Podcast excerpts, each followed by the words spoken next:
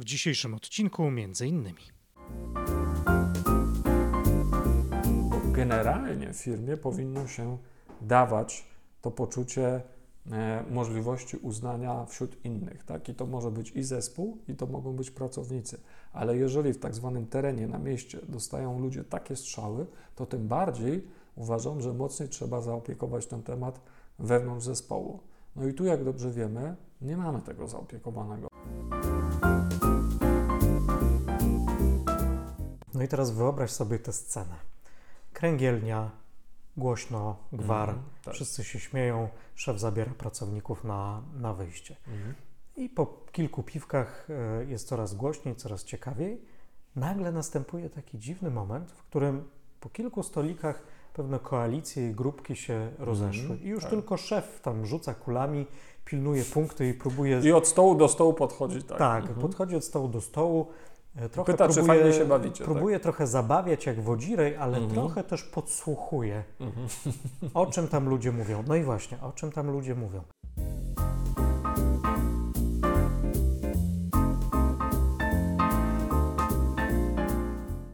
Dzień dobry, witamy bardzo serdecznie w kolejnym odcinku naszego podcastu Biznes Antidotum. To już szóste e, wydanie.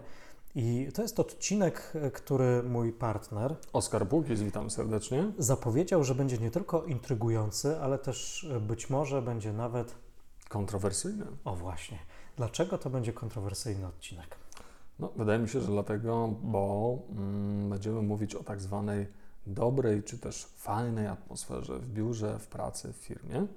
E, No i tak jak widzimy sami z naszego doświadczenia wieloletniego, obserwując firmy, sposób zarządzania i sposób zachowania właścicieli firm, no jest delikatnie mówiąc dość duże niezrozumienie, e, czym jest ta dobra atmosfera i jakie jest miejsce e, w skali ważności e, działań, do których jest tak zobowiązany menadżer, zobowiązana firma.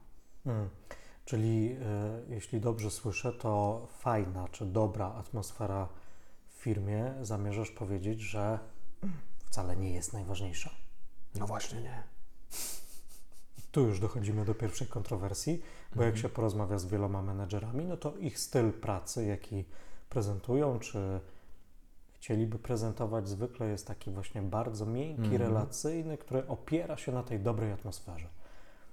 Tak. Czym to może utrudnić pracę menedżerowi albo zespołowi, firmie ogólnie? Wiesz co, może zanim zaczniemy, to żeby uporządkować to, e, wróćmy, wróćmy na chwilę do, czy też zacznijmy od podstaw.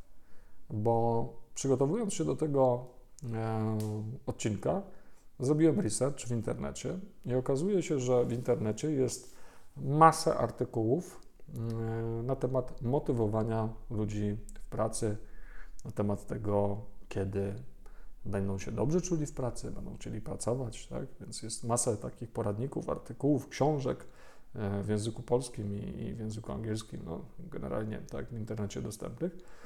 No i co ciekawe, jednym z głównych motywatorów jest właśnie tak zwana dobra atmosfera pracy. W biurze, w firmie, tak, różnie możemy to nazywać, tak. Przyjmijmy sobie, że to jest ta dobra atmosfera w pracy. E, no i co się dzieje? Menadżerowie z małym doświadczeniem, czy też początkujący, ci, którzy niedawno może założyli firmę, tak, czy, czy też ci, którzy dopiero nie wiem, prowadzą firmę pół roku, rok e, i już rekrutują, już budują swoje zespoły, już jest kilka osób na pokładzie, e, no, szukają jakiegoś wsparcia, szukają jakiejś wiedzy, co robić, jak zarządzać tym zespołem, co, spra- co sprawi, że ci ludzie będą chcieli i przyjść do mnie pracować, i będą chcieli pracować w mojej firmie. No więc czytają, tak? No dzisiaj Google, no nie, e, często się mówi tak, doktor, doktor Google, tak? Szukamy tam remedium na wszystkie nasze bolączki, również oczywiście jeśli chodzi o prowadzenie firmy. No więc jeżeli taki menadżer z małym doświadczeniem, czy też początkujący e, czyta e, takie artykuły, tak, i, i, i, i przyjmuje je w 100% e, bez, e, zabrakło mi słowa, Refleksji. bez refleksji, bezkrytycznie, tak, Mhm. e, no to tu pojawia się problem, bo niestety, ale taka dobra atmosfera jako motywator e, jest wprowadzana źle, czy też e, no, generalnie jest opacznie źle zrozumiana, tak? bo e, taki menadżer wiedząc, czy też nie wiedząc, to już nie wiem, czy w zasadzie ma znaczenie, że brakuje mu pewnych kompetencji do prowadzenia firmy jako menadżer, e, myślę sobie tak, to najpierw zapewnię dobrą atmosferę w firmie, a reszta się jakoś ułoży. Prawda? Hmm. Ludziom będzie miło w biurze, będzie fajna atmosfera, chętnie będą do niego przychodzili i będą pracowali. No dobrze, uwaga. Tylko pytanie, czy będą tylko przychodzili, czy będą również pracować w tym biurze? Co o tym sądzisz, Michał? Hmm. Podoba mi się, że zrobiłeś tutaj pauzę, bo to pytanie tak trochę zawiesiło się w powietrzu i wybrzmiało w pełni.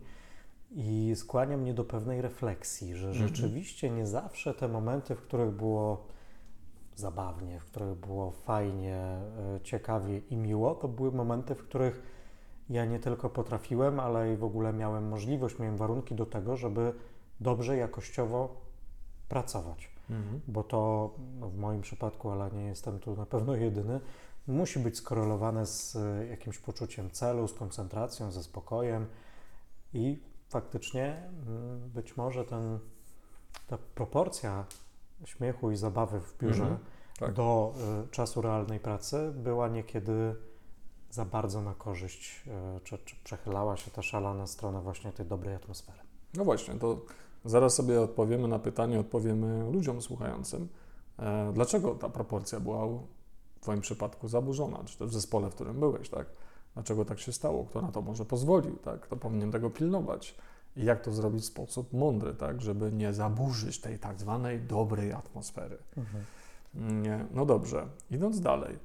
E, jeżeli takie działanie podejmuje menadżer e, początkujący, tak? Czy też, czy też taki jeszcze z małym doświadczeniem, no to co się dzieje? Jeżeli jest ta dobra atmosfera, która staje się najważniejszym, nazwijmy to imperatywem, jeżeli można tak to nazwać, a w zespole pojawiają się osoby ciekawe, wartościowe, pracowite, które przychodzą do pracy poważnie pracować, mm, no to okazuje się, że dla nich ta dobra atmosfera wręcz jest czymś, co ich zniechęca do przychodzenia do tej pracy i do tego biura. Mhm. No jak to? Dlaczego? Przecież jest tak fajnie niby, tak? Tu od razu przychodzi mi do głowy e, przykład mojego serdecznego przyjaciela, który jest mhm. człowiekiem niezwykle skrupulatnym, tak. bardzo dobrze ułożonym, wie jak potrzebuje mieć ułożone środowisko wokół siebie, żeby efektywnie pracować. I takie, o którym Ty mówisz, w którym ludzie się e, teoretycznie bardzo dobrze dogadują, dużo śmieją, jest na open space sporo anegdotek, ale jest też głośno i jest e, masa tematów pobocznych, mhm. to jest coś, co nie tylko mu przeszkadza, ale po prostu go zraża. On tak. mówi jasno, że nie po to przychodzi do firmy, tak. nie po to mhm. przychodzi do pracy. Nawet nie po to, żeby budować relacje. To może to jest też nieco skrajny przykład człowieka, który buduje relacje, jest na, nie na nich skoncentrowany w ogóle w innych obszarach życia. Nawet nie musi mieć kolegów w pracy. Tak. Ale większość ludzi jednak chciałoby mieć kolegów w pracy, ale mieć też warunki do tego, żeby móc dobrze, komfortowo, spokojnie pracować, szczególnie jeżeli od wyników tej pracy zależą zarobki, a przecież branża, która jest najbliższa nieruchomości, to jest właśnie taka branża. Nikt mi nie płaci za pogaduszki przy kawie, płaci mi klient, tak. który ode mnie kupi. No właśnie, i co się dzieje w przypadku takich osób, które okazuje się, że często są najbardziej wartościowe z perspektywy i klientów, i właściciela. Tak? E, takie osoby wręcz mogą odejść z organizacji, jeżeli widzą, że tutaj nie ma przestrzeni i warunków do poważnej pracy. Prawda? Tak jak mówisz, wszystko fajnie, super, ha, ha, ha, śmiejemy się, ale z umiarem też, prawda? Więc jeżeli taka osoba mm, widzi, że tego jest za dużo stanowczo i nie ma warunków do pracy, no to zaczyna się zastanawiać, co ja tutaj robię. Mhm. Prawda? Jeżeli jeszcze widzi, że firma w wielu innych obszarach również nie dowozi tematów, no to tym bardziej decyzja jest szybka i taka osoba może przejść na przykład do konkurencji najbliższej. Tak. Wyłapałem z tego Twojego ostatniego zdania partnerów do pracy.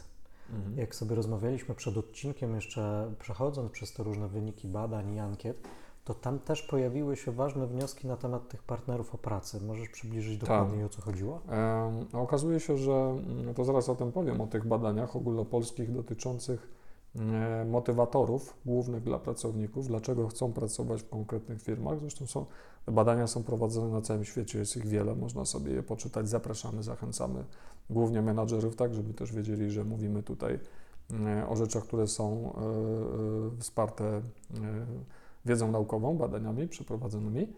Więc okazuje się, że z jednym z głównych motywatorów również jest właśnie to, że pracownik chce czuć, że przychodzi do firmy, w których będzie miał wartościowych partnerów do pracy w zespole. Nie tylko szefa i właściciela, ale również jeżeli rozejrzy się po open space, po biurze, nieważne gdzie jest, to będzie widział ciekawe, wartościowe osoby, prawda? E, I sam pamiętam, wiesz, gdzieś tam z wielu lat wstecz, różne opowieści ludzi, którzy mówili, wiesz, no byłem, wiesz, w tym biurze, w tej firmie, ale tam, wiesz, co drugi to przeklina, tak, albo cały czas jakieś łahaha, ryko, rykowisko niemalże, nie? Więc e, no to, to, to w ogóle człowieku, to jest żadna poważna firma, nie? Więc ja tam posiedziałem sobie pół roku, czy tam nawet, nie wiem, kilka miesięcy i, i odchodzę, tak? Więc jest rotacja i idzie to w świat, no więc cała spirala wydarzeń, tak? Czy też e, efektów, które, które są między innymi E, spowodowane właśnie no, dobrą atmosferą. Tak. I tu, żeby było jasne, my nie mówimy o tym, że antytezą dobrej atmosfery jest grobowa atmosfera w firmie, w której nikt do nikogo się nie odzywa mhm. i w której y, pracownicy pracują, klepią Excela ze smutną miną, a w tle tak. y, cichutko pogrywa marsz żałobny. Tak tylko mówimy o takiej sytuacji, w której możemy sobie pozwolić na e, żarty, na rozmowę przy kawie i budowanie relacji, ale to jest jednak tylko dodatek, bo generalnie w pracy zajmujemy się pracą, rozwiązywaniem problemów, a jak sobie rozmawiamy, to rozmawiamy z partnerami do pracy, którzy też są zainteresowani rozwiązywaniem problemów, a nie tylko wspomnieniami ostatniej e, imprezy integracyjnej w piątek, po której jeden z menedżerów mm. wyskakiwał przez mm. okno, a trzeci położył się na taksówce. Tak, dokładnie, no dokładnie tak. E, to jest tak, tak zwana wisienka dobrej atmosfery. E, no dobrze, wracając do tych e, ogólnopolskich badań dotyczących motywacji, zgadnijcie, czy też zgadnij Michał, co jest najsilniejszym i najważniejszym bodźcem, motywatorem do podjęcia pracy wskazywaną przez ludzi w badaniach. Hmm. No, pewnie y, kilka jest tych motywatorów. Chciałbym tak pójść tym zainteresowaniem psychologicznym, ale pewnie powiem tak przyziemnie, że pieniądze. E, no, podejrzewam, że większość postawi na pieniądze. No więc okazuje się, e, że najważniejszym, najsilniejszym bodźcem do podjęcia pracy, na który zwracają uwagę ludzie, to możliwość uznania wśród innych ludzi. Hmm. Czytaj w zespole. To teraz zrobiło mi się ciepło na serduszku, jak to słyszę, że jednak nie, no nie finanse. Tak, na drugim miejscu e, ludzie wskazują e, właśnie finanse, a mówiąc wprost, zaspokojenie podstawowych potrzeb e, życiowych. No i to stawia wielkie wyzwanie w firmach, które zwłaszcza są na modelach prowizyjnych, gdzie handlowcy, na przykład agenci nieruchomości, na co dzień spotykają się z no, brakiem uznania. A mhm. jakim na przykład? Przykładem są ich relacje i kontakty codzienne z klientami. No, tam się spotykają z pogardą nawet czasem, a nie tylko tak. brakiem uznania. Tak, dokładnie. A więc e, negatywne opinie od klientów, e, reakcje na przykład na telefony, podczas spotkań również, tak? E, no i to e, no, pokazuje, jak jeszcze trudniej jest firmom właśnie opartym na modelu prowizyjnym niejako, nie wiem, czy zaspokoić, czy też skompensować te braki, o których właśnie tutaj mówimy, tak? Bo generalnie firmie powinno się dawać to poczucie e, możliwości uznania wśród innych, tak? I to może być i zespół, i to mogą być pracownicy. Ale jeżeli w tak zwanym terenie, na mieście dostają ludzie takie strzały, to tym bardziej uważam, że mocniej trzeba zaopiekować ten temat wewnątrz zespołu. No i tu, jak dobrze wiemy, nie mamy tego zaopiekowanego, bo dość często menadżerowie nie potrafią po prostu komunikować. I tu pewnie Ty się lepiej na ten temat mhm. wypowiesz. Tak, no są modele doceniania pracowników. Takim chyba jednym z bardziej znanych jest y, model Puma, ale jest ich generalnie wiele i one nie są wiedzą tajemną, ale mam wrażenie, że menedżerowie zamiast włożyć trochę wysiłku, nie mówię o wszystkich oczywiście, ale w dużej mierze, zamiast włożyć trochę wysiłku w to, żeby właśnie doceniać i uznawać pracownika, jego osiągnięcia, pokazywać to też e, w szerszym gronie, żeby on czuł, że, te, że inni też wiedzą, że on jest uznawany przez jakąś wyższą kadrę menedżerską, zamiast włożyć w to trochę wysiłku i pójść tą drogą bardziej psychologiczno-relacyjną, to menedżerowie też wychodzą z założenia czasami, dobra, i tak najważniejsza jest kasa, damy mu po prostu premię, albo mhm. zróbmy jakiś konkurs, jak się postarają, to wygrają samochód albo bonę na wyjazd do spa i wszyscy będą happy. No i okazuje się, że są happy, ale chyba tylko bardzo krótkoterminowo. Mhm, dokładnie. A jakie byś ty mógł tutaj wymienić, podpowiedzieć ludziom e, narzędzia w pracy menadżera, które no, będą powodowały właśnie poczucie wartości u pracownika, e, uznanie? To tutaj pierwsze, co przychodzi mi na myśl, skoro podjąłeś ten temat doceniania czy uznania, no to jest właśnie taki bardzo podstawowy model doceniania e, pracownika, czyli ten model PUMA. taka chwytliwa nazwa, trochę groźnie się kojarząca, ale bardzo przyjemne narzędzie, które myślę, że może niezwykle zmieniać relacje między menedżerem a pracownikiem, ale może również e, sprawiać, że ten pracownik będzie po prostu czuł się ważniejszy, będzie czuł, że jego jakaś misja, jego pomysły są doceniane. No i ten model PUMA to jest akronim od czterech e, liter. P oznacza pokazanie emocji. Czyli chodzi tutaj o to, żeby menedżer, rozmawiając ze swoim pracownikiem, był w stanie pokazać i nazwać jakąś pozytywną emocję, którą wzbudziło konkretne zachowanie jego pracownika. Mhm. Warto tutaj e, przyjąć jakąś taką postawę spójną z tą emocją, więc jeżeli tą emocją nie jest ekscytacja, tylko duma czy zadowolenie, no to nie trzeba się silić na jakieś niesamowicie entuzjastyczne komunikaty. Warto po prostu być szczerym, patrzeć prosto w oczy i opowiedzieć, dlaczego jestem z kogoś mm -hmm. dumny albo co akurat mną w tej chwili e, rządzi. Natomiast emocja to za mało. Literka U w tym akronimie PUMA oznacza uzasadnienie faktami, czyli warto człowiekowi jest przypomnieć, co to było za konkretne zachowanie, które takie dobre, pozytywne emocje wzbudziło. Za co ten pracownik jest chwalony. Czyli konkretny jakiś fakt. To tak naprawdę jest metoda pozytywnego wzmacniania, taka e, psychologiczna. Warto tu się odwołać czasami do jakichś wskaźników, do pomiaru efektywności. Jeżeli coś jest mierzalne, no to warto pokazać, co to był za efekt, co to był za wynik, który jest w tej chwili taki e, doceniany. Literka M w tej pumie, no to motywowanie korzyściami, czyli tutaj można już podać, jakie korzyści odniosła nie tylko ta jednostka, ten pracownik, ale w ogóle organizacja, czyli pokazać człowiekowi, jaki miał, jakie jego zachowanie miało wpływ na większy ogół. Czyli trochę wyciągamy taki jeden mały trybik i pokazujemy mu, słuchaj, jesteś ważny. To, że ty akurat się kręcisz w taki konkretny sposób, to sprawia, że cała nasza maszyna dobrze działa i dzięki temu dobrze pracujemy. E, no i ostatnie, afiszuj tego docenianego. Czyli innymi słowy, pokaż jego zespołowi, e, czy pozwól jego zespołowi też usłyszeć to docenienie. Niech on wie, że inni widzą e, efekty jego, jego pracy. Warto zadbać o to, żeby to otoczenie pracownika po prostu dowiedziało się o tym pozytywnym zachowaniu, jego wpływie i efektach.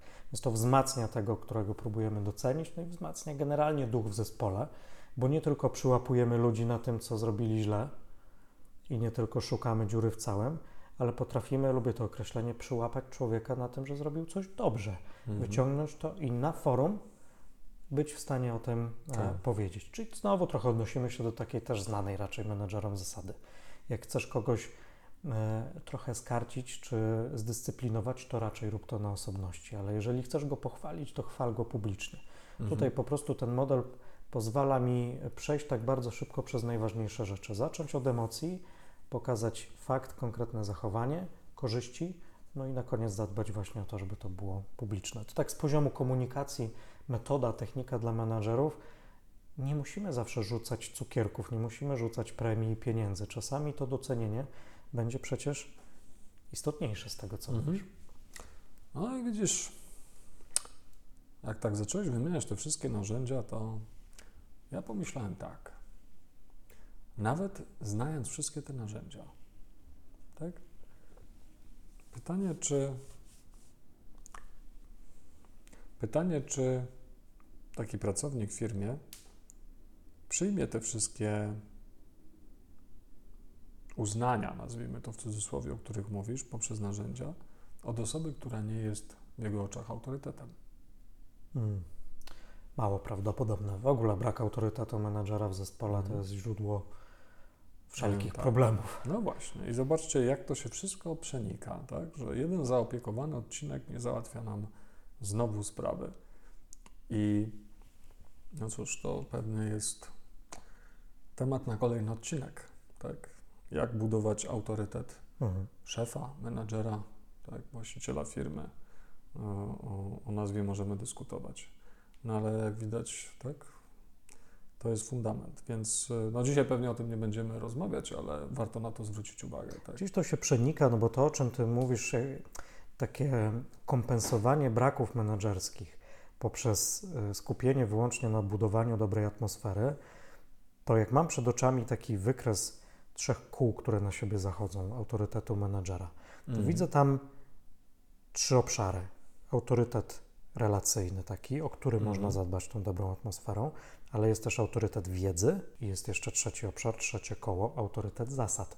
Czyli Mhm. ten menedżer, żeby mieć autorytet, czy szef, musi dbać o pilnowanie zasad, przyłapywać ludzi na tym, co robią dobrze, doceniać, ale też być w stanie dyscyplinować, interweniować, jak ktoś robi coś źle. I tego często brakuje, jeżeli ktoś się fiksuje całkowicie na robieniu tej dobrej atmosfery. A teraz w ramach krótkiej autopromocji Jeżeli czujesz, że masz problemy menedżerskie, które wymagają szybkich i skutecznych rozwiązań, chętnie Ci pomogę i zapraszam do kontaktu ze mną. A ja z kolei uczę sprzedaży i kompetencji miękkich, dzięki czemu pomagam biznesom zwiększać skuteczność zespołów sprzedażowych, a samym handlowcom komfort pracy i zarobki. Także zapraszam do konsultacji. A teraz wracamy do podcastu. Trochę podłączając się do tego, co motywuje. Mówiliśmy o tych pieniądzach, że wcale okazało się, że tak nie jest. I jest na to też e, wiele, wiele badań na temat e, motywowania przez pieniądze. Bo mogę przytoczyć Alfie Kona, znanego amerykańskiego psychologa pracy, e, który przekonuje, że bodźce finansowe nie, nie, nie prowadzą do poprawy pracy w dłuższej perspektywie. Czyli rzeczywiście na początku gdzieś duże cele, duże targety, tak, motywowanie, wysokie premie za zrealizowanie celów e, przynoszą, mogą przynosić duże, e, duże sprzedaże, ale e, badania też pokazują, że niestety gdzieś po drodze nagle cierpi jakość. Tak? Lub też zespoły zaczynają kombinować, na przykład trąc koszty, tak? e, na przykład na marketing sprzedaży, więc jest wiele różnych badań, które na to wskazuje. No i teraz, co to ma wspólnego z naszym tematem? E, Myślę sobie tak, że u nas często w firmach jest tak, że właśnie jest na odwrót. Nie mamy zaopiekowanej kwestii stworzenia warunków do zarabiania, e, więc kompensujemy to również właśnie to tak zwaną fajną atmosferą w pracy, prawda? I to jak ja to widzę, jak odbieram, to to, że jest to o tyle gorsze, bo podwójnie psuje pracownika. Nie dość, że nie ma jasno zdefiniowanych dobrych warunków do pracy, tak? E, bo tu nie chodzi o fajne biuro, sprawny telefon, laptop i CRM. Tak? To, nie, to nie tylko o to chodzi. Tak? Chodzi o konsekwentne e, prowadzenie i wspieranie pracownika, by miał podstawy do zwiększania swojej sprzedaży, tak? jakości sprzedaży, jakości obsługi klientów. Więc e, no tu jest podwójne zepsucie wtedy tego pracownika, bo jest brak możliwości zarabiania, rozwoju i jest ta fajna atmosfera, która już mówiliśmy wcześniej, jak wpływa na część wartościowych pracowników. Mhm, tak. tym sądzisz? Wiesz co, y, przychodzi mi od razu do głowy taka, taka scena, no bo y, jest część pracowników, która odejdzie, bo nie ma warunków, a ma taką quasi dobrą atmosferę. Są też tacy, którzy długo zostają, no bo nie mają poduszki finansowej, są na razie do tego zmuszeni, dopiero noszą się z myślą o zmianie, ale cały czas są w tej organizacji. Często menedżerowie przyjmują taką taktykę, mam wrażenie, chowania głowy w piasek albo zakładania ciemnych okularów i postanawiają nie widzieć tych problemów, co rusz organizując kolejne aktywności, które mają dać tą dobrą atmosferę. No i teraz widzę taką scenę. Jest impreza integracyjna, Mhm. szef zabrał pracowników na kręgle. Przechodzimy do tak zwanych złych praktyk w tak zwanej dobrej atmosfery w firmie. Tak, chyba to będzie dobry moment. No i teraz wyobraź sobie tę scenę. Kręgielnia, głośno, gwar, Mhm, tak. wszyscy się śmieją, szef zabiera pracowników na, na wyjście. Mhm. I po kilku piwkach e, jest coraz głośniej, coraz ciekawiej. Nagle następuje taki dziwny moment, w którym po kilku stolikach pewne koalicje i grupki się rozeszły. I już tak. tylko szef tam rzuca kulami, pilnuje punkty i próbuje. I od stołu do stołu podchodzi, tak. tak, Mhm. podchodzi od stołu do stołu. e, Trochę Pyta, czy próbuje, fajnie się bawicie, tak? Próbuje trochę zabawiać jak wodzirej, ale Mhm. trochę też podsłuchuje. Mhm. O czym tam ludzie mówią? No i właśnie, o czym tam ludzie mówią? Jeżeli tam zaczynają się pojawiać jakieś zgryzoty, jakieś problemy, jakieś e, wątpliwości co do codziennego działania firmy, to co da ludziom to wyjście na kręgle i te dwa piwa? Mhm. Tak. Czy to naprawdę zaopiekuje cały problem i ci ludzie będą bardziej zmotywowani do pracy? No nie.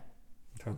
No właśnie, słuchajcie, to y, zapraszamy Was teraz do e, takiego koncertu, żebyście też się zastanowili razem z nami nad tym, jakie są przykłady właśnie takich złych praktyk, które bardzo dobrze znamy z tak, zbudowania tak zwanej dobrej atmosfery. No i Ty powiedziałeś o tych imprezach firmowych, tak, gdzie wszyscy mają być weseli, szczęśliwi. E, głównie szef próbuje nadawać wesoły ton, e, ogólnego happinessu, prawda?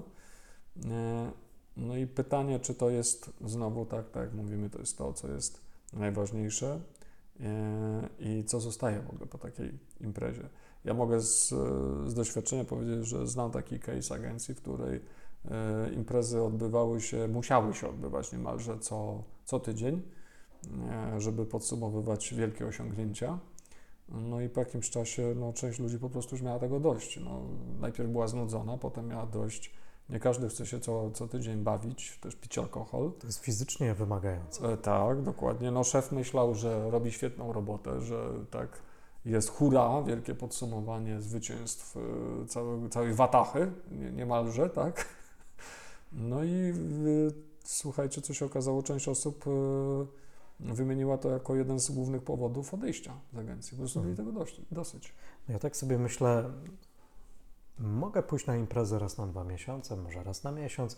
Co tydzień byłoby to męczące. Zresztą są inne rzeczy, o które trzeba zadbać, rodzina, wypoczynek, Mhm. jakieś pasje, więc bardzo często w ten piątek czy w sobotę nie mógłbym po prostu tam pójść. Jeżeli to jest tak wgryzione w kulturę organizacji, to ja nagle staję się outsiderem, Tak. bo mam jakieś inne zajęcia poza pracą. Mhm. Dokładnie. No tutaj można do tego od razu przejść, podpiąć do wyjazdów integracyjnych, prawda, na przykład, tak, gdzie e, no też, jeżeli ktoś jedzie i na przykład no niekoniecznie lubi pić alkohol, tak, a zwłaszcza bardzo duże ilości alkoholu, tak, no to on już z definicji czuje się outsiderem. Jest traktowany przez tą tak zwaną większość wesołą jako outsider, tak. No już nie będziemy tu przytaczać tych wszystkich y, polskich przysłowi, tak, jakie, jakie padają. No jak się czuje taka atmosfera, nie? Czy to buduje e, rzeczywiście jakiś team, prawda? Więc e, część ludzi może nawet e, oszukiwać, kłamać, tak? Podawać jakiś powód, dla którego nie pojedzie, jakaś, nie wiem, choroba w rodzinie czy, czy, czy, czy coś takiego, nie? Więc no nie, no i no dość często też znamy te historie, gdzie niemalże wszyscy się spili, a więc jest co wspominać i uwaga, jest coś, co nas jednoczy. Mhm. Tak? No i teraz pytanie, czy to jest coś, co powinno nas jednoczyć, czy też może, czy to jest, to, czy to ma być ta jedyna rzecz, która nas tak jednoczy i potem przez miesiące wspominamy, jak Marek i Janek y, wylądowali, jeden, tak mówiłeś, na dachu taksówki, a, a drugi y, pod stołem gdzieś tam w restauracji i, i potem he, he, he, tak y, dworujemy z tego przez następne pół roku. Tak, no właśnie, bo jeżeli to jest jakiś element anegdotyczny, e, ale generalnie na co dzień jesteśmy zespołem, idziemy w kierunku jakiegoś jednego celu, jesteśmy między sobą szczerzy, czujemy się doceniani i robimy coś wartościowego w dobrych, komfortowych warunkach do pracy, no to okej, no, ludzie czasami potrzebują się zabawić. Natomiast Mhm. jeżeli to jest jedyny aspekt, który nas łączy, a generalnie to y, na co dzień jedyne nasze interakcje to są ewentualnie jakieś narzekania i plotki, y, no to myślę, że jednak odpowiedzialnością za to bardzo często niestety znowu trzeba obarczyć menedżera, który nie zadbał o pewne rzeczy, które były istotne, bo wydawało mu się, że dobra atmosfera jest najistotniejsza. Mhm. I tutaj mogę przytoczyć takie narzędzie, które bardzo lubię. Nie wiem, czy do końca może na, należy to nazywać narzędziem, ale można go tak używać. E, idąc do firmy jako konsultant, projektant szkoleń, korzystam z metody Human Performance Improvement. No Tak. i to jest taka metoda, w której generalnie bada się e, z poziomu takiego szkolenia, bo patrzę na to z tej swojej perspektywy trenerskiej. E, Ja przede wszystkim badam, jakie są luki kompetencyjne, jaka jest różnica między tym, co firma chciałaby mieć, uzyskać, jakie zachowania pracowników, ich wiedza, a co jest dzisiaj, jakie są tego przyczyny, jak to ma wpłynąć na wskaźniki biznesowe i to wszystko zamyka się w jednej strukturze, w jednym kole. No i teraz przyjrzenie się tym powodom jest bardzo istotne. Ja akurat jako trener muszę sprawdzić, czy mogę się na coś przydać, czy, czy moja praca będzie wa- wartościowa, czy faktycznie chodzi o wiedzę i umiejętności. Mhm. Mhm. No i bardzo często zdarza się rozmawiać z organizacją, w której jest super atmosfera, albo przynajmniej tak menedżerowie sądzą. No i tak naprawdę pracownicy nie mają wcale ogromnych e, luk kompetencyjnych, jeśli chodzi o wiedzę i umiejętności. Oczywiście zawsze można coś poprawić. Ale w tej macierzy diagnozowania źródeł przyczyn problemów generalnie w organizacji jest dużo więcej obszarów i aspektów, a nie tylko ta wiedza i umiejętności. Mhm.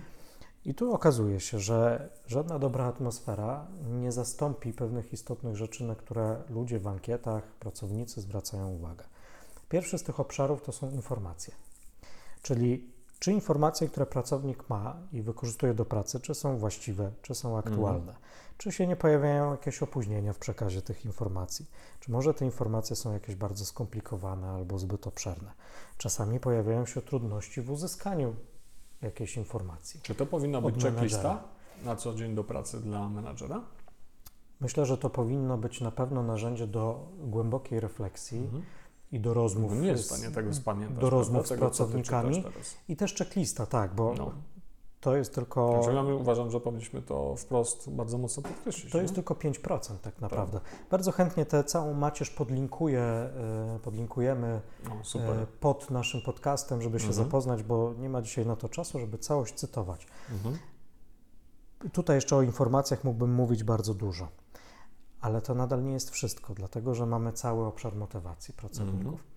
Mamy chociażby informację zwrotną. Czy ten pracownik jest wyposażony w informację zwrotną, czy ma jasno wyznaczone cele, czy ma higieniczne warunki w pracy, właśnie takie do Mhm. skupienia zapewnione, czy jest nagradzany, czy jest karany, czy ma odpowiednie A zobacz, to co ty mówisz, to znowu pokazuje, że jest potrzeba również poważnej rozmowy Mhm. menadżer, pracownik, Tak. prawda? A dość często niestety również dobra, fajna atmosfera e, no, sabotuje możliwość przeprowadzania takich rozmów później w zaciszu pokoju jakiegoś, w którym przeprowadzamy taką rozmowę. No bo z jednej strony na co dzień, a co ty tam, Marek, coś tam, coś tam, tak? Mhm. I nagle próbujemy. E, Marek, zapraszam Cię na rozmowę. Chciałbym porozmawiać o Twoich tak, tutaj dokonaniach. E, Chciałbym uznać Twoją pracę. No, to zaczyna być sztuczne. Coś tu jest nie halo, nie? Tak, tak, tak, tak. Mhm. No i później pojawiają się różne plotki, pojawiają się toksyczne zachowania pracowników, menedżerów bardzo często. E, No więc cały ten wielki obszar generalnie dotykający motywacji. Mhm. Mamy zasoby w firmie przecież, narzędzia do pracy, czy one są odpowiedniej jakości, czy, czy są w ogóle, czy są zadbane, czy miejsce pracy jest odpowiednie. E, No i akurat jeśli chodzi o same zasoby, no to pewnie najłatwiej sobie z tym poradzić. No ale mamy coś, co wiem, że jest Twoim tak naprawdę konikiem, czyli struktury i procesy. Mm. Bardzo często próbuje się zakopać, upudrować rzeczywistość dobrą atmosferą i imprezą integracyjną, a tak naprawdę jest całkowity bałagan w procesach i w strukturach. I ludzie nie Mhm. wiedzą dokładnie do kogo mają pójść z jakimś problemem. Przełożeni się między sobą ścierają, jest nielogiczny sposób raportowania, nierówny podział pracy i tak dalej, i tak dalej. Ja i dlatego, tak dalej. wiesz, zapytałem Cię o tą checklistę, bo my często mówimy o różnych ciekawych narzędziach, tylko ja ze swojego wieloletniego doświadczenia mogę Wam podpowiedzieć, no to uwaga, to jest pułapka, tak? Słuchamy wielu różnych podpowiedzi, narzędzi, e, no ale niestety po prostu usłyszeliśmy i Mhm. zaraz zapomnieliśmy. Albo zapamiętaliśmy jakieś dwa ciekawe zdania, które gdzieś tam przypomni nam się, że a, tam na, mówili tam, nie, to dzisiaj spróbuję to. Nie? Tak. No i to nie działa, tak, jako, jako wpływ na cały proces.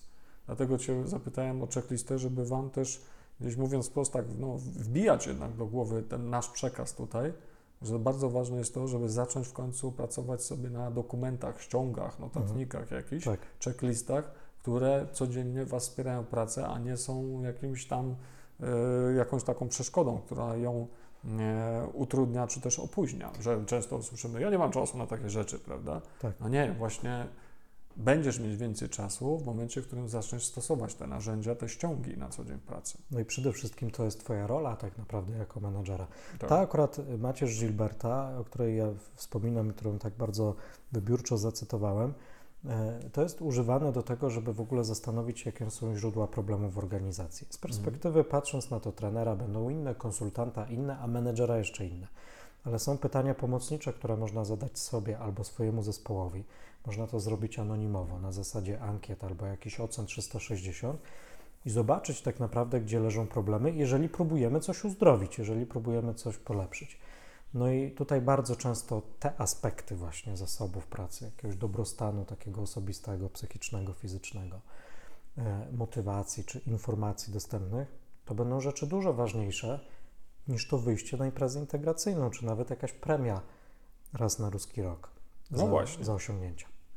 To e, jeszcze podłączając do tego tematu, powiem Ci, mówiłem Ci o tym, e, jutro jadę do, do jednej z agencji nieruchomości w Polsce i będę tam prowadził wewnętrzne, zamknięte szkolenie dla menadżerów na temat pracy właśnie z agentami e, i poprosiłem, zakontraktowaliśmy się na to, że jutro na tym szkoleniu każdy z nich musi mieć obowiązkowo e, notatnik, zeszyt, jakkolwiek to nazwać, do pracy, e, dedykowany tylko pracy menadżera agentów. I od razu pierwsze, co usłyszałem, pierwszą odpowiedź, no tak, wiesz, oni dostali właśnie e, kalendarze nowe, świeże, nie? Ja mówię, nie, właśnie nie, bo w kalendarzach wpisują normalne swoje jakieś zadania, które muszą robić, różne przemyślenia, różne rzeczy osobiste i tak dalej. I nie może być to mieszane z oddzielnym projektem, którym jest menadżerka, tak? Więc kalendarz swój, tak, e, swoje aktywności, które prowadzą, to rozumiem oczywiście, że on jest, ale musi być oddzielny, oddzielny dokument, czyli oddzielny notatnik, czy też może być też kalendarz, który służy właśnie do prowadzenia rozmów z agentami, do przygotowania się, zrobienia sobie jakiejś agendy, do spisywania na jakimś są etapie w procesach, tak? I spisywania jakby takiego, nazwijmy to trochę protokołu, co padło, na jakim etapie jest agent, jak wygląda, e, e, jak wygląda jego, jak wyglądają jego postępy, też nastawienie, motywacja, no więc nie będę tutaj tego rozwijał, nie? Ale jakby właśnie mówię, musi być oddzielne narzędzie i to też zupełnie inaczej wpływa na mental tego menadżera, bo on wie, że patrząc na biurko ma dwie oddzielne rzeczy, tak? Jedna, która służy do jego spraw, jego aktywności i druga, która jest poświęcona tylko projektowi, projektowi menadżera. Ta dobra atmosfera, to takie moje przemyślenie, może nie obaj do tego dochodzimy, chociaż mam nadzieję, że się zgodzisz, że ta dobra atmosfera, ona jest ważna, ale warto by było ją przedefiniować. Na nie imprezy integracyjne, nie wspomnienia z y, wspólnych popijawek, nie y, wspólne żarty na open space'ie, tylko jakościowa, dobra komunikacja, wsłuchiwanie się w siebie, aktywne słuchanie, Mhm. docenianie, ale też pilnowanie pewnych zasad. Niech to będzie ta dobra atmosfera, nowa definicja dobrej atmosfery w pracy, czyli takiej szczerej, konstruktywnej, jakościowej, która daje jakościowe środowisko do, do pracy, Mhm, do mhm. dogadania się na interpersonalnym poziomie. Czy my się chcemy zakolegować po 17, czy też nie, bo Tak. możemy nie chcieć, ale ważne, żebyśmy dobrze współpracowali. No dobrze, to mm, kończąc już trochę, bo mamy y, dużo już materiału, e, wróćmy i zmasakrujmy te ostatnie złe praktyki tak zwanej dobrej atmosfery. No i e, to, co mi przychodzi również do głowy z obserwacji, to są tak zwane owocowe czwartki. Mm. Owocowe czwartki. Nie mamy nic przeciwko jedzeniu owoców, żeby Tak, było. tak, oczywiście, tak. Znaczy w ogóle generalnie, wiesz, ludzie po tym odcinku mogą powiedzieć, wiesz co, Pukis i Ebert namawiają, żeby w ogóle było nudno, żeby się nie bawić, nie śmiać i w ogóle nigdzie nie wyjeżdżać, nie imprezować. Dlatego mówiłem wcześniej o tej Tak. grobowej atmosferze, że to nie o to nam chodzi. Tak, nie, Mendelejewa nie, nie zalecamy, żeby puszczać podczas pracy, więc to nie o to chodzi. No dobrze, więc owocowe czwartki. Jak wyglądają owocowe czwartki? E, No to myślę, że dużo osób, które je przeżyło, no może tak z czystym sumieniem, z ręką, jak to się mówi, na ramieniu, tak? Powiedzieć, że najczęściej to wygląda tak, że ludzie przychodzą, pojedzą za darmo i do domu z powrotem. Szczególnie w firmach, w których nie ma takiego określonego e, etatowego systemu pracy, no bo Tak. wtedy te, te owoce gdzieś tam sobie leżą w kuchni tak czy siak, ale tak, rzeczywiście pracując w agencji nieruchomości byłem tego świadkiem, nawet sam gdzieś tam przechodząc koło biura wpadłem na śniadanie, Mhm. a później gdzieś sobie poszedłem, no bo tak No, są firmy, które Tak robią takie owocowe czwartki, bo y, nie, nie mają pomysłu mhm. na to, jak tych, tych handlowców ściągnąć do biura. Tak? No, to jest niewyobrażalne wręcz, tak? że posuwają się aż do takiej w zasadzie działania rozpaczliwego, można powiedzieć tak wprost. Tak. Że to dajmy im owoce, ciasteczka, może przyjdą i zachce im się pracować. Tak, bo zobaczmy, to jest zupełnie co innego. Jeżeli mamy zespół zaangażowany, który pracuje regularnie w biurze, Mhm. wszystko działa jak naoliwiona maszyna. Tak. I nagle mówimy, hm, co by tu jeszcze zrobić, żeby im jakoś poprawić Tak. humor. Dajmy im owoce, niech będą zdrowi, niech będą e, No, super. szczęśliwi. Tak. A co innego, jeżeli mamy pustki w biurze, wiatr hula Wiatr hula, tak.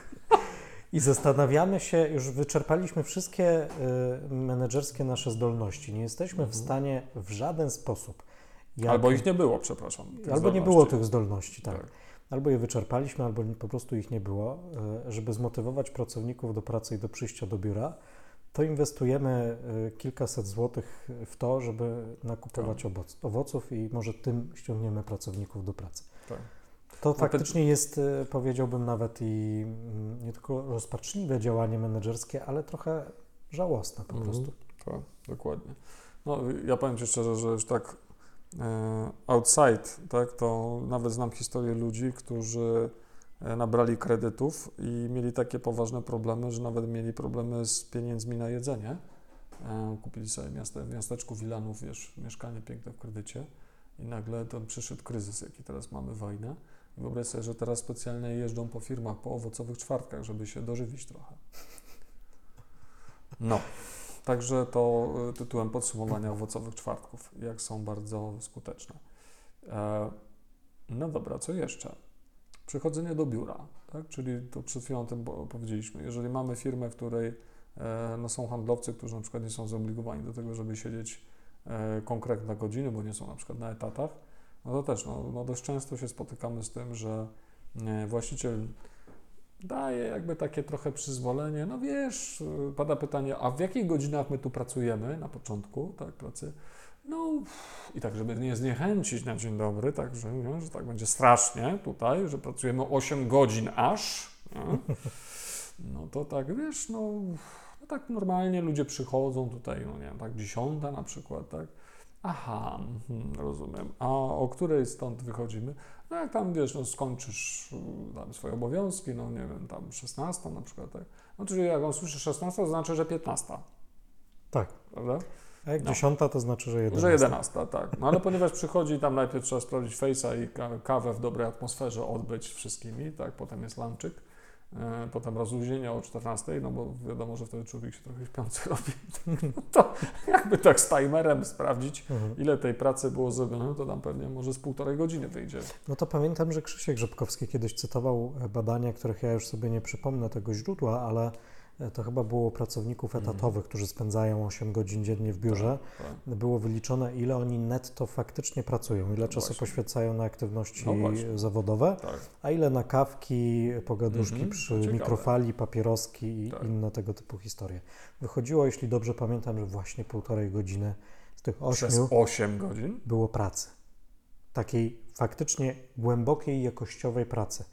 Bo Mhm. scrollowanie Face'a albo scrollowanie Excela No bezmyślnie to też powiem nie Ci, jest że to, to, to jest Smutny wniosek. masakrująca I teraz zobacz, to są pracownicy etatowi, Tak. a z tymi, którzy nie muszą przechodzić na te 8 Tak. godzin, i nie wiesz, co oni robią gdzieś tam pomiędzy, prawdopodobnie nie pracują w pocie czoła, tylko no jest, zakładam, większa szansa, że gdzieś tam w domu sobie po prostu odpalą Netflixa, jak akurat nie mają spotkań z klientami, no to jest problem, bo tak naprawdę nie wiesz, ile twoi ludzie pracują, jak masz ich rozliczać z pracy, jak Tak. nie wiesz, jak pracują. Tak. No, ale też podpowiedzieć, tak? Dlaczego nie osiągasz jakichś wyników, na Otóż które, to, nie ma tu które, miejsca. które tutaj oczekiwałeś, tak? Tak. Chciałeś zarabiać jakąś konkretną kwotę.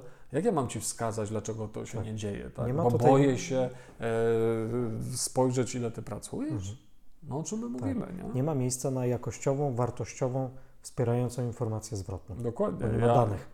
No to, to jest masakrująca informacja, wiesz, że na 8 godzin, półtorej i to jeszcze na etacie. E, ja mogę Wam podpowiedzieć ze swojego doświadczenia. Korzystam z bardzo fajnego narzędzia, podpowiadam e, i polecam. Nazywa się Toggle. E, to jest taka aplikacja również, która w komputerze działa.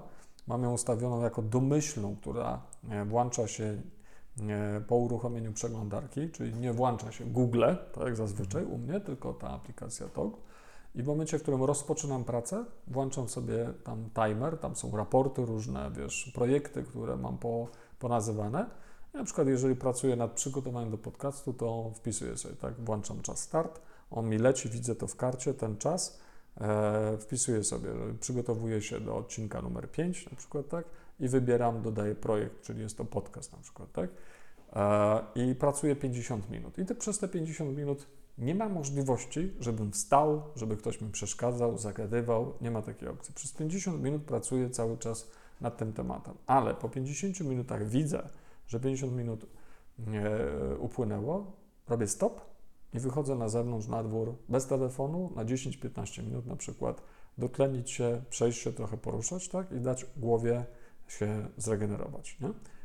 Wracam, kolejne 50 minut, kolejny projekt i znowu przerwa 10-15 minut, nie?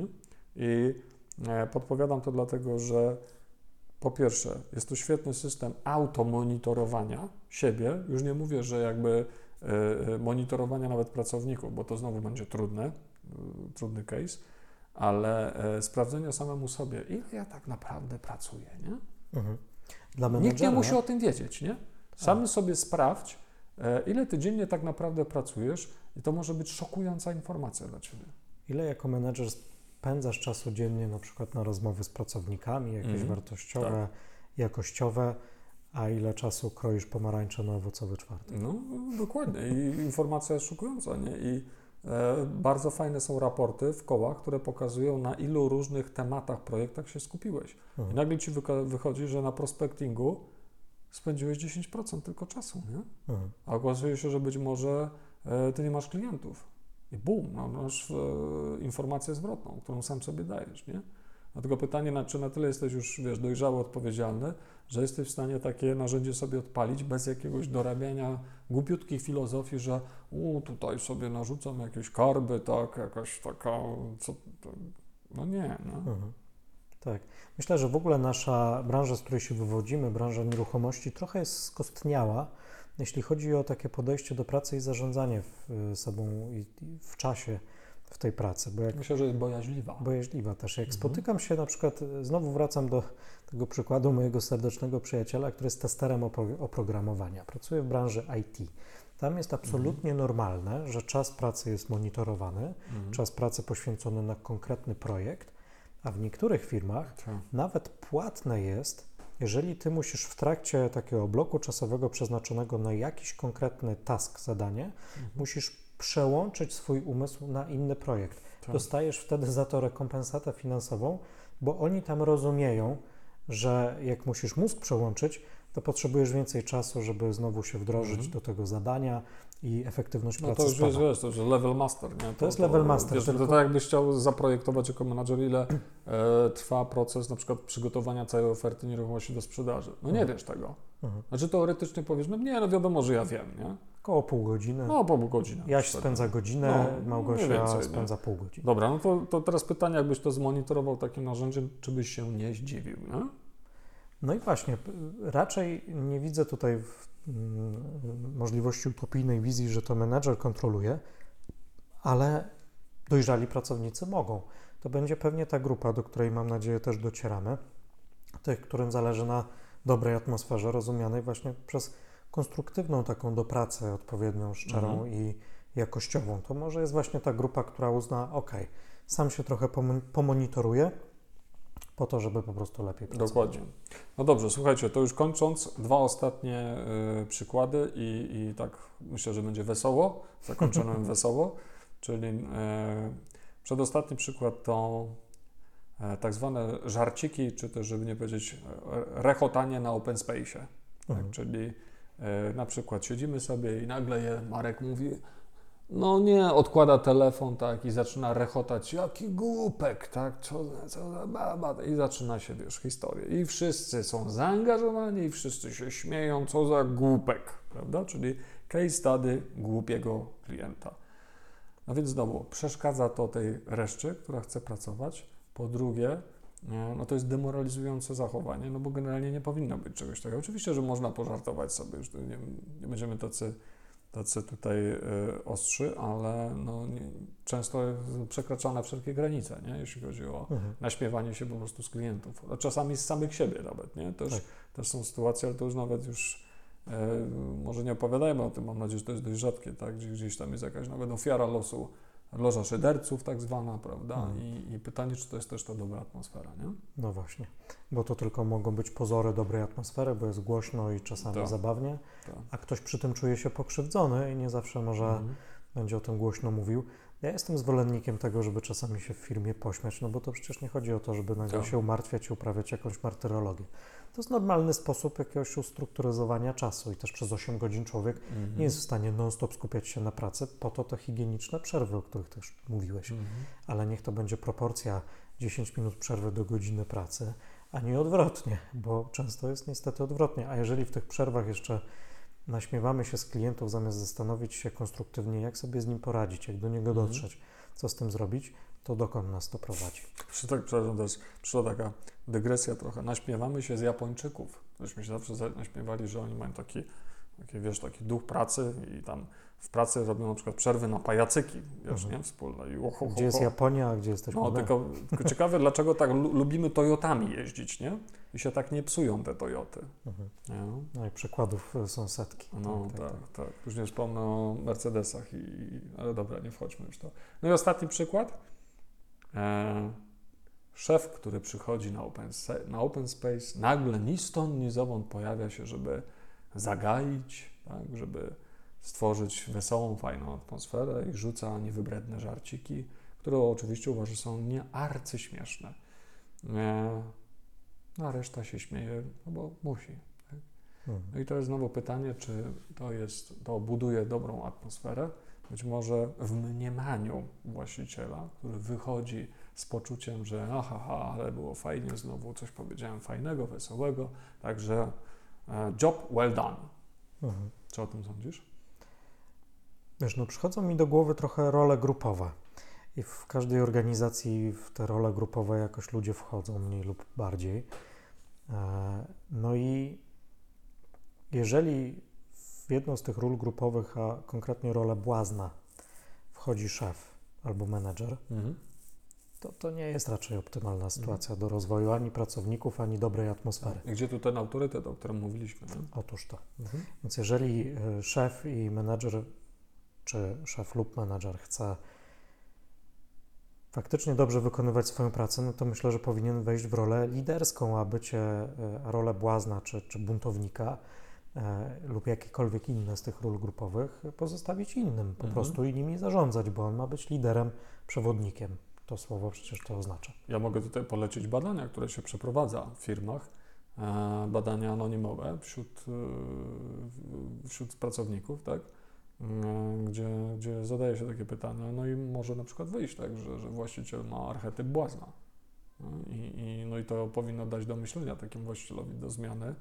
E, No, no, niestety gorzej, jeżeli taki właściciel stwierdzi, że to, to mega fajnie, nie? To ja będę jeszcze większym błaznem w takim razie na przykład, tak? Bo to jest takie fajne i fajnie i śmiesznie odbierane, nie? Buduje znowu tą fajną, dobrą atmosferę. Mhm. Więc polecam również to narzędzie, żeby robić ankiety. Myślę, że też jakiś e, odcinek trzeba będzie na to poświęcić, tak? Jak właśnie zbierać ten feedback, między innymi poprzez ankietowanie e, zespołów. Tak, bardzo chciałbym też y, faktycznie w jakimś odcinku na ten temat porozmawiać, może w ogóle szerzej, nawet ubierając to w badanie, diagnozowanie, jakie są sposoby na diagnozowanie obszarów rozwojowych, obszarów takich szkoleniowych czy tych luk kompetencyjnych, bo to myślę, że są wartościowe tematy dla zarówno właścicieli firm, ale też dla handlowców, no bo ich też można badać, oni też mogą się zbadać, mogą zobaczyć, gdzie mogę się po prostu poprawić, w czym mogę mm. być mhm. lepszy, jeżeli mam na tyle dojrzałości. No właśnie.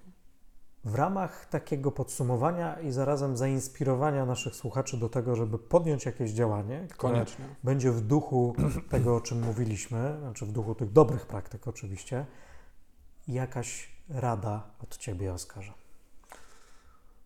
Inspiracja, tak, koniecznie na sam koniec. Słuchajcie, odbierzcie proszę to, o czym dzisiaj mówiliście, jako no, taki y, zdrowy feedback, tak?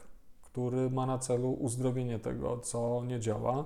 E, nie bierzcie tego do siebie, nie bierzcie tego jako gdzieś tam złośliwą krytykę. No trochę dzisiaj pożartowaliśmy rzeczywiście, ale myślę, że lepiej y, pożartować niż, niż no, co, co innego robić, tak?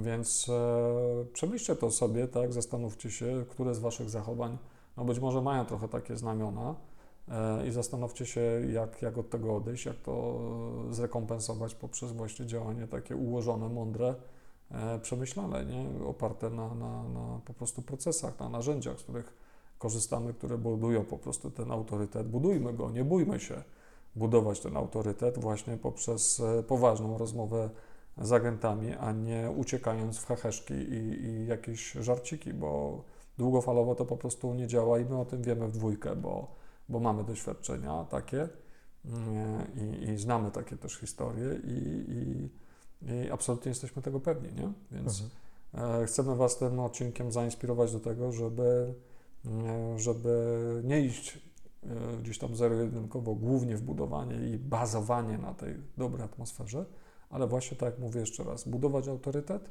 i poważne, zdrowe fundamenty dla takiego racjonalnego i E, mądrego, przewidywalnego szefa zarządzania tak, firmą. Ode mnie e, w ramach inspiracji pierwszy krok, który można by wykonać e, ku temu, to przyjrzenie się właśnie tej macierzy Gilberta i zobaczenie, jakie jest sześć obszarów, na które pracownicy głównie zwracają uwagę. Co odpowiada za dobre ich działanie w organizacji. I teraz, jak można zdiagnozować te problemy, które w każdej przecież organizacji jakieś są, i na które z tych problemów nie będzie odpowiedzią e, dbanie o tę taką właśnie fajną atmosferę, tylko trzeba sięgnąć głębiej, trochę bardziej zmierzyć się może z procesami, może z zasobami, może z informacjami. Tam zajrzeć, tam po prostu trochę z refleksją spojrzeć i zastanowić się, na bazie tego sporządzić checklistę dopiero rzeczy, o które ja muszę mm. codziennie zadbać jako menedżer. Tak, dokładnie. Super, słuchajcie, bardzo dziękujemy za E, Waszą uwagę, za wysłuchanie do końca. E, no i tak jeszcze raz podkreślam, zachęcamy Was do mądrych, przemyślanych zmian, które długofalowo, w dłuższej perspektywie e, na pewno zaowocują stworzeniem silnej, silnej firmy i silnej marki, do której ludzie będą chcieli i przychodzić, i będą chcieli dłużej pozostawać. Dziękujemy serdecznie. Oskar Pułkis i Michał Ebert. Do usłyszenia. Do usłyszenia.